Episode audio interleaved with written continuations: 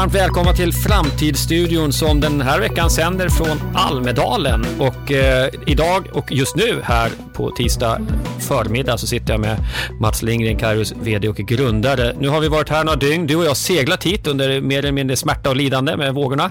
Men nu är vi här och eh, eh, öppna frågan är liksom vad fångar du för strömningar i Almedalen i år? Något speciellt som du ser återkommer något tema? Det som känns som är den, eh, något som många brottas med, det är ju hur man ska driva förändring och leda förändring i så turbulenta, osäkra tider som det är nu. Mm. Så att, och det kommer, jag har haft några presentationer nu och sen kommer folk fram spontant efteråt och gärna vill prata om just det. Utan att det kanske ens har varit huvudtemat på, på liksom presentationen. Just det. Och jag bara nämna då, då, igår så hade vi ju eh, vårt första frukostseminarium. Då var ju temat Sverige 2040, 2040 nära. Hur ska Sverige bli framgångsrikt mot 2040? Eh, där en eh, järv panel eh, bearbetade dina spaningar kring utmaningar kring digitalisering, hållbarhet, men också innanförskapet. Mm. Det här går ju att se på vår YouTube-kanal. Eh, gå in och titta på, ligger kvar. Eh, idag så hade vi ju tillsammans med eh, arbetsgivarorganisationen Sobona som eh, samlar Sveriges kommunala företag ett seminarium som handlade också om ägande ägarstyrning. Vad är att som eh, kommun vara ägare för kommunala aktiebolag då? Och eh, vad betyder det när man ska balansera effektivitet, omställning och, och demokrati och långsiktighet och så vidare? Också ett, ett intressant samtal med, med en duktig panel. Båda de här tillfällena kommer de här frågorna upp. Eh, så att säga. Och då är det ju så, redan för fyra år sedan så var ju du projektledare, väldigt mm. djupt inblandad i ett projekt som då kallades för Corporate Culture in the 21st Century, men rapporten så småningom hette någonting annat. Eh, ja, rapporten heter Konsten att leda på kanten på, kaos, till, kan, på kanten till kaos. Eh, och vi kan säga så här, den, bygg, den rapporten bygger egentligen på något som vi hade hållit på med i 20 år innan. Det började med att jag gjorde min doktorsavhandling, satte igång med den i slutet på 90-talet och tittade på framgångsfaktorer, strategirelaterade framgångsfaktorer i lite mer turbulenta affärsmiljöer. Och de har ju inte blivit mindre turbulenta sedan dess kan vi säga. Sen dess har vi gjort mängder av projekt och i, i det här projektet så försökte vi verkligen skrapa ihop allting som på något sätt verkar ha koppling till mot framgång, men framförallt med fokus på kultur. Och sen eh, testade vi en kultur, internationellt eh, ja, testad kulturmodell också som eh, grund för det vi, eh, ja, för studien. Eh, och det blev, och det man kan säga att det, det blir det man ser är väldigt stora skillnader i förmåga att hantera en komplex och snabbföränderlig omvärld i, beroende på vilken kultur man har. Just det. Och innan vi går in på den modellen, för den, den är många av oss som, som har tagit del av eh, på Kairos och som vi pratar om i föreläsningar, den får ofta ett, ett väldigt stort gensvar. Man, inser, man ser sig själv i spegeln lite grann som organisation. Eh, men bara så här, nu, studien hette Corporate Culture, men det var ju inte corporate som i företag bara, utan här var ju Nej. även myndigheter inblandade. Ja, precis. Ja. Vi hade flera myndigheter och vi hade regioner med i projektet också, där vi gjorde specialstudier i deras organisationer. Just det. Så att det, är mer, det är mer generellt än så. så att säga. Men, men berätta lite. Den här eh, teorierna bakom bland annat eh, finns ju en modell, då, en fyrfältare. Vad, vad finns med i den? Ja, och den modell, grundmodellen som vi använde, det var eh, baserad på en, en artikel som publicerades i Harvard Business Review våren, eller februari tror jag var, 2018. Och det var lite en sinkadus att vi sprang på den där. Sen, och den, där säger, hypotesen där var att det finns åtta eh, kulturella grundmodeller globalt och de hade testat den i massor av länder och fått fram ett mönster eh, där eh, någon slags samvariation och vilken vi kunde replikera sen kan jag säga då när vi tittade på det. Och de här faller kanske i två, två dimensioner så att säga. En dimension som är mera fokus, fokus på ordning versus frihet eller trygghet eller här och nu mot frihet och den andra är lite mera ska säga, eh, mekanistiska förhållnings, förhållningssätt versus mera dialektiska förhållningssätt. Eh, eller kulturer som har liksom den, den typen av dimensioner. Och, det, och de åtta modeller, åtta liksom kultur, grundkulturerna. Ja, arketyperna kallas det till. kan man säga. Det är liksom en organisationer fokuserade på passion, det vill säga att människor gör ungefär vad de vill, men de gör det med stor passion. Fokus på lärande, fokus på auktoritet, resultat, eh, ordning. ordning och säkerhet eh, syfte och omtanke. Och de hänger ihop ungefär på det där sättet. Så att, så att organisationskulturer som är ska säga, syftesorienterade kombineras ofta med omsorgsorienterade, lärande med passion och så vidare. Och ligger också diagonalt motsatt så att säga. Resultat och auktoritet precis. ligger liksom i mm, mot, mm. diagonalt motsatt eh, omsorg och eh, syfte. Mm. Så, så är det. Eh, och det. Och det man ser, och det här är intressant tycker jag, för att nästan oavsett vilken typ av performance-mått eller framgångsmått som man tittar på så är det ungefär samma typer av utfall. Och vi har också testat den här i andra typer av projekt där vi tittar på vilka organisationer är mest digitaliserade, vilka är liksom bäst på att driva digitalisering eller AI-fiering och så vidare mönster. Eh, och då får du ungefär samma typ av mönster. Och det är väldigt, väldigt tydligt att de organisationer som lyckas väl har ett enormt, en kultur som är orienterad mot lärande. Att testa nya saker, ligga på framkant. Och, där är också, och det andra är att man är fokuserad på resultat. Ha, ofta också har ambitionen att vara bäst på saker och ting och vara först på att liksom genomföra saker och ting. Men, men det, det, det var intressant, för att nyansera det lite grann. För att, eh, I modellen så är det också att eh, vi kan se att olika sektorer och branscher traditionellt hör hemma, eller oftast hör hemma. Till exempel utbildning, eh, vård är ofta mer syfte och, och omtanke. Eh, Medan mm. finans kanske ligger mer, mer mot resultat ja. och eh, så vidare. Eh, mjukvara brukar ibland beskrivas som lärande och passion, det är mer experimenterande och så vidare. Eh, och sen har vi då kommuner och myndigheter. ofta myndigheter, ett, ofta, säkerhet och ordning ja, så att säga. Och, och, det där ska man ju på ett sätt bejaka. Vi vill ju ha myndigheter som som jobbar med säkerhet och ordning och som följer protokoll och så här. Men det är just inom sin sfär, alltså inom det klustret av arketyper ändå ligga närmare ja. lärande och hållet ja, så är det. resultat. Och, och, det är också så här att jag tror att väldigt många organisationer skulle behöva separera olika delar av verksamheten. När man tar ett försäkringsbolag eller en bank, ja, du måste ha väldigt mycket compliance, väldigt mycket ordning och reda och säkerhet och följa rutiner och, och liksom för, inom vissa delar av verksamheten, men inte överallt. Nej, nej. Eh, och så, är, så är det också läget i myndighetssfären eller, eller offentlig, sektor, alltså offentlig sektor generellt sett. Allt är ju inte myndighetsreglerat.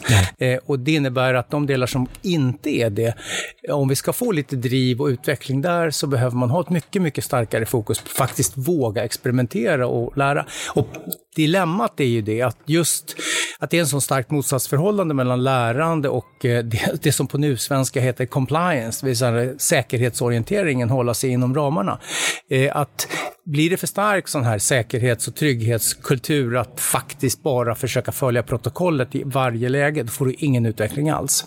Det jag har mött senaste tiden, eh, två sammanhang, mm, eh, två kommuner som eh, är framåtlutade och jobbar med sin omvärldsanalys systematiskt och är duktiga på det. Ehm, men i båda fallen så, så finns, har det varit moment där det har varit så tydligt hur medarbetare, ehm, upplever jag från min horisont, så att säga, där medarbetarna som befinner sig också i den kommunala kontexten ständigt mellan att vara tjänsteman, tjänsteperson och att ha förtroendevald ledning som ska berätta vad det egentligen som ska hända. Eh, och, och, och där har jag upplevt en, en väldig försiktighet. Man har inte velat eh, påverka till exempel respektive förvaltning i en speciell riktning med till exempel idéer kring det här. Eh, okej, okay, vi gör en omvärldsanalys, vi ser trender, vi drar en konsekvensanalys av det, vad är det som är på gång och vilka idéer kan ni ge upphov till? Eh, så har man varit väldigt försiktig med att liksom, eh, knuffa eh, den eh, anställda delen av organisationen i en viss riktning. Utan dels ska medarbetare själva få med och bestämma det, men dels finns det naturligtvis då en förtroendevald nivå. Och det där är ju, den där balansgången är jättelurig. Den var även uppe i morse tycker jag när vi pratade om ägarstyrning i kommunala eh, bolag så att säga. Eh, och föränderliga tider utmanar demokratins liksom arbetssätt i det här avseendet, å ena sidan. Och den utmanar också kulturer, eh, organisationskulturer som har varit väldigt mycket, det är så här vi gör, så här ska man göra, där det finns liksom väldigt mycket process. Eh, det är väldigt väldefinierat hur olika saker ska hända. Det är stora organisationer med stora breda uppdrag och så vidare. Där finns ju verkligen en utmaning att, att dra upp den här lärande och eh, resultatfokuset inom dessa ramar på ett sätt som gör att vi ändå lyckas göra omställningar så fort som de de behöver göras. Hållbarhetsomställning, nya lösningar eller digitalisering för att få eh, vård och omsorg att, att, att fungera. Så där. Och där tänker jag många ledare befinner sig i ett, ett väldigt knepigt läge. Eh, och det förmodligen finns väldigt starka skäl till att göra som till exempel Haninge kommun gjorde här och, jag fick vara med i ett samtal som handlar just om det. Hur planerar vi i en kommunal verksamhet i snabbrörligt landskap? Alltså? Ja men absolut, så är det ju. Eh, sen, är det ju sen är det ju bekvämt. Jag menar, det finns ju också så här, och det gäller ju alla typer av organisationer, inte bara offentlig sektor. Det är ju väldigt bekvämt att hålla sig till protokollet och faktiskt inte riskera sin egen karriär på att göra allt för eh, liksom dramatiska förändringar. Mm. Men samtidigt är det ju så att, att eh, utan de här dramatiska förändringarna, eller experimenterandet då i steg ett, så kommer det ju inte hända någonting. Och jag tror att ett av, vi, vi pratade igår om digitaliseringen i offentlig sektor då när eh, Sverige ju faktiskt var ledande för 20 år sedan och åtminstone enligt OECD nu ligger sist mm. i, i, i, OECD när det gäller digitalisering. Det handlar ju förmodligen av, om många fler olika saker, bland annat den väldigt så att säga distribuerade organisationsmodellen vi har eh, där med 290 kommuner och massor av regioner och mängder av myndigheter och vad ska jag säga, inte inte så omfattande samordning mellan de här olika enheterna. Man söker sin egen lösning, så att säga. Alla alla bygger sina egna lösningar. Och det är klart att det går, eh, då går det långsamt och då blir det massor av experiment, men det blir aldrig någon uppskalning av experimenten, utan det ska säga, gödslas ut pengar från olika myndigheter som ska försöka driva på digitaliseringen, men sen blir det inte mer än ett experiment. Men det finns också en eh, det finns en annan del i det där som handlar om en, en, någon slags rädsla, tror jag, om att, att på något sätt göra fel. Vilket också, naturligtvis finns ett problem då om vi fortsätter det här spåret liksom med, med eh, olika typer av, alltså GDPR till exempel och det som händer, mm. kommer nu med nya AI-regleringen på EU-nivå som gör det här ännu svårare naturligtvis. För att då man, sätter, eh, man sätter, utsätter sin egen organisation för risk och stora viten när man gör saker och ting som blir lite för experimentella och eh, kanske till och med riskerar sin egen, eh, sin egen frihet när man kan Eh, drabbas av olika typer av straff. Och det, det som har också formerats i mitt huvud av, var del av de här samtalen och modererat de här panelerna och så vidare, det, det är ju verkligen hur kritiskt det blir att alltså anskaffa den kompetens man behöver som ledningsgrupp i den här terrängen. Alltså varje, jag tänker så här, upprepade gånger i, i, historien så har det liksom eh, ledarskap eller att leda en organisation har, det har kommit en ny typ av kunskap som man behöver kunna. I början fanns det typ ingen arbetsmiljölagstiftning. Idag måste man kunna det så att säga som chef. Det, hållbarhetstänket fanns inte heller. Det måste man förstå någonting om det och så vidare. Och nu kommer digitaliseringen som man helst ska ha någon slags grundläggande så att säga, beställarkompetens ja, och... att ens navigera i. Och, och, och har man då dessutom förtroendevalda politiker av alla valörer så att säga, eh, lekmän och så ska hela det här eh, klustret av människor på något sätt då experimentera sig fram till alltså det, lösningar. Kunskap blir så otroligt ja, det, viktigt. Alltså. Det här är ju, och det här gäller inte bara offentlig sektor. Alltså det, Nej, verkligen det, inte. Den, den, komplexiteten ökar för du har en massa förtroendevalda också. Mm. Eh, I ett en bolag så har du en bolagsstyrelse, men det ytterst sett så är det ju faktiskt ledningen som behöver ta sig in. Ja. Och det finns en väldigt, vi tar digitaliseringen som ett område, så finns det enormt starka samband med, mellan ledningens kunskapsnivå inom data och digitalisering och mm hur digitaliserad man faktiskt är. Utan en, eh, och sen så nästa steg så här, mellan hur digitaliserad eller datadriven man är och hur framgångsrik man är som organisation. Så att det finns liksom ett flöde från kunskap inom ledningen, ska jag säga, via eh, det faktiska agerandet och då eh, resultaten av det. Så att nummer ett är ju att, eh, vad ska jag säga, ledningen behöver ta sig in själv i det nya och förstå det tillräckligt väl för att inse möjligheterna och sen också delvis stå på barrikaden själv för att driva frågorna framåt. Här kan vi tipsa, apropå att vi nämnde eh, morgonens seminarium här med Sobona. De har ju en eh, rapport man kan ladda ner som heter att leda eh, för digital transformation, om jag minns exakt rätt här nu.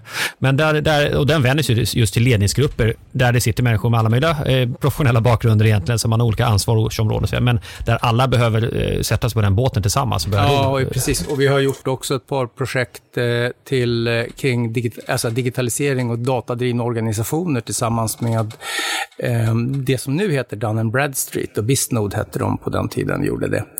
Och där vi framförallt har tittat, tittat ur ett europeiskt perspektiv på kopplingen då mellan Eh, ja, dels i första, första rapporten var, tittade vi på digitalisering i dataorienterade organisationer och vad är det som driver dem och är de mer framgångsrika än andra. Och den andra rapporten var mer fallstudie på 20 mer framgångsrika organisationer. Vad är, vilka är nycklarna? Vilken kombinatorik tillämpar man för att faktiskt eh, förflytta sig in i någon slags digital frontlinje? Ja, här är några spaningar från Almedalen. Eh, stora heta teman som alla känner till. Låter det intressant med den här rapporten vi nämnde tidigare som då heter att leda på kanten till kaos så hör gärna av er till Mats Lindgren eller mig, Fredrik Thorberg, Så eh, kan vi se eh, vad vi kan göra för att rusta organisationen ännu bättre på de här områdena. För att det är ingen fråga som kommer blåsa över tills nästa Almedalen kan vi garantera, utan det här är förmodligen det som definierar 2020-talet för de allra flesta organisationer. Att ta sig framåt på det digitala och naturligtvis hållbarheten, men hela förändringen vi just befinner oss i. Tack så mycket Mats för den här stunden. Vi hörs säkert Tack. snart igen. Hej. Hej.